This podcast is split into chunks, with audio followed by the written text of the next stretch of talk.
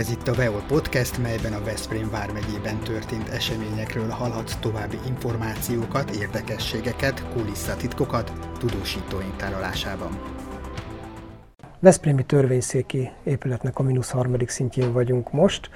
A Vár utca irányába, hogyha nézzük, akkor ugye három szinten keresztül, korábban több évtizeden keresztül itt börtön működött, 90-es évek közepén kiköltöztetésre került, és azóta gyakorlatilag nincs igazából funkciója. A mínusz harmadik szint volt az a terület, ahol egy pár éven keresztül előre szervezett látogatás keretében a látogatók megnézhették a, a régi várbörtönt. Egyes cellák be voltak rendezve egy-két installációval, régi berendezési tárgyakkal, bútorokkal, de igazából nem volt egy, egy komoly, a mai kornak megfelelő múzeum, és nagyon komoly problémát jelentett az, hogy a törvényszéken keresztül kellett megközelíteni. Most itt vagyunk a Pálfrányos teremben, ami a, a börtönépületnek az északi homlokzatához kapcsolódó helyiség, és itt a beton ajzatnak a felbontását követően egy olyan korábbi épületnek a, az északi főfala bontakozott ki, amelyhez egyforma távolságra egymástól keskeny osztófalak kapcsolódnak, és ezek egyforma kis keskeny tereket fogtak közre. A nyugati és a középső térnek megmaradt a döngölt habarcsos járószintje is, és a, a falak elhelyezkedése alapján azt gondoljuk, hogy itt talán a korábbi fogdaépületnek a celláit találtuk meg, amely a jelenleg álló börtönépület megelőzően itt állt épülethez kapcsolódott. Az előkerült leletek alapján pedig úgy tűnik, hogy a 18. század legelején már biztosan állt ez az épület, a leletek túlnyomó többsége a 17. századra keltezhető, előkerült két érme is, két ezüstdénár, az egyik egy második Mátyás 1618-as ezüstdénárja megfogalmazódott a városban, illetve az EKF tartalomfejlesztői csapata részéről, hogy ide egy magas szintű, komoly éves szinten több tízezer látogatót is fogadni tudó egy várbörtön látogatóközpontot kellene kialakítani. A törvényszék ennek nagyon örült, átadta a területet a városnak egy haszonkölcsönszerződés keretében. Annyi kérése volt csupán, hogy közlekedésben, gépészetében teljesen váljon el és különüljön el a törvényszék épületétől, hiszen itt annó semmi nem volt már, tehát se fűtés, se víz, semmi, és hát rettenetesen dohos párás vizes volt a, a, a fal, illetve a levegő tartalma is. Itt jött a mérnöki munka, amikor gyakorlatilag a tartalomfejlesztői igényeket figyelembe véve a mérnökök összeültek és megszülettek azok a tervek, ami alapján most három önálló beruházásként valósul meg ez a látogatóközpont. Az egyik maga a Rutnerház épülete, Ugye a látogatók fogadása a Rutner keresztül történik, egy lifttel jövünk föl ide a mínusz harmadik szintre a Jókai utca irányából. A látogatók megnézik a Várbörtön kiállító teret egy tematikus útvonal vezetés mentén, és az épületnek a déli oldalán pedig egy várfal sétányon keresztül tudják elhagyni ezt a, az épületrészt.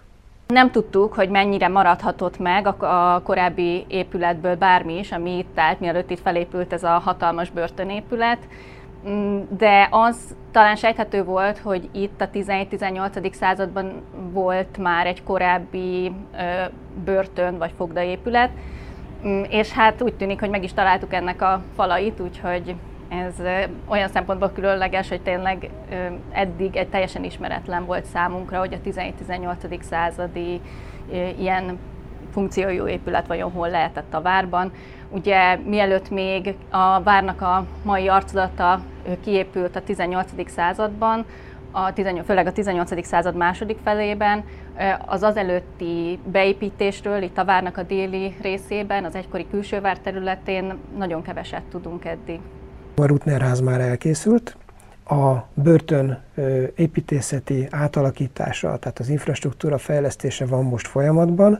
Ez, ez év április elején indult, akkor vette át a munkaterületet a Vemészer Fehérvál konzorcium, és innentől szeptember vége, október végéig kell befejezni a kivitelt, műszaki átadást is beleértve október végével kell a kivitelezés zárni, de ez csak az infrastruktúra fejlesztés része, mert eközben a tartalomfejlesztés is belép a beruházás ezen időszakába, hiszen ekkor történik ennek a területnek a belső építészeti kialakítása, a különböző tárgyak, berendezéseknek, illetve installációknak az elhelyezése, tehát magának a kiállítótérnek a megvalósítása.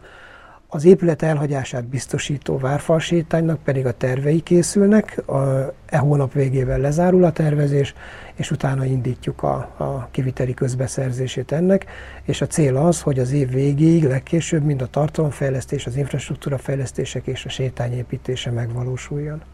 Ennek az épületnek további falai talán tőlünk keletre még lehet, hogy megvannak, mivel a börtönépület ugye olyan nagy és annyira sok szintje van, hogy valószínűleg itt ez alatt már nem maradt ebből az épületből semmi. Olyan szempontból egyébként szerintem nagyon jelentős, hogy tényleg egyáltalán nem volt tudomásunk arról, hogy a kora újkorban, az újkorban hol lehetett a, a börtön. Azt tudjuk a forrásokból, hogy volt, tehát mindenképpen lennie kellett.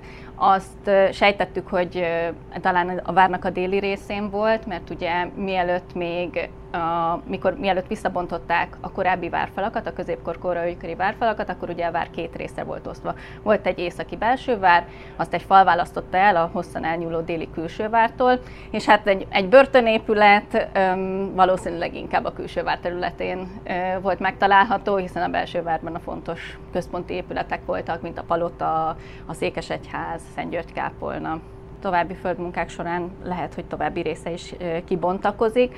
Ugye azt a nagyjából a középkor koraújkori várfal, ami a korábbi várfal, az ott húzódik az épületnek a, a, a keleti vagy nyugati falában, és a fala alatt, úgyhogy lehet, hogy ahhoz kapcsolódó épület volt, tehát abban az irányban még lehet, hogy vannak további részei. Két aktív időszakot tudnék igazából megnevezni. Ugye amikor a, a szabadságvesztés büntetésnek a, a fogalma bejött, és ugye Európa szerte elterjedt a börtönépítésekkel kapcsolatos igény, akkor az 1700-as évek elején gyakorlatilag itt ezen a területen épült egy börtönépület, ami ettől jóval kisebb volt, azt hiszem két vagy három szintes volt, és kimondottan ugye börtönként üzemelt. Majd az 1800-as évek közepe vége felé fogalmazódott meg a megye részéről, hogy itt egy új nagy épületet kell építeni, hiszen ugye jelentős mennyiségű fogvatartott jelent meg, és nem tudták biztosítani a megfelelő körülményeket. Illetve nagyon fontos volt, és ezzel párhuzamosan erős, erősödött a törvényszéknek a működése is, és a 800-as évek végén a döntést követően gyakorlatilag elindult ennek az épületnek a megépítése, akkor már ugye a törvényszék épületével együtt, ugye ott két épületszint valósult meg, Várbörtön szempontjából pedig három szint, Vár utca irányából mínusz egy, mínusz kettő, mínusz három szinten ugye börtön működött, illetve a fölött pedig, és ez jelképes is, ugye a törvénykezés, a törvényszék épületeként jött létre. A későbbi időkben voltak belső átalakítások, ugye nagyon fontos lett, hogy egy központi fűtési rendszert is kialakítsanak, tehát próbálták azért az infrastruktúrát is fejleszteni. További fejlesztések már nem történtek az épületen, és ebben az állapotában működött 90-es évek közepéig. Ez volt a Veol Podcast, melyben tudósítónk osztott meg veled egy Veszprém vármegyében történt eseménnyel kapcsolatban mélyebb információkat. Kövess minket, hogy ne maradj le az újabb tartalmainkról.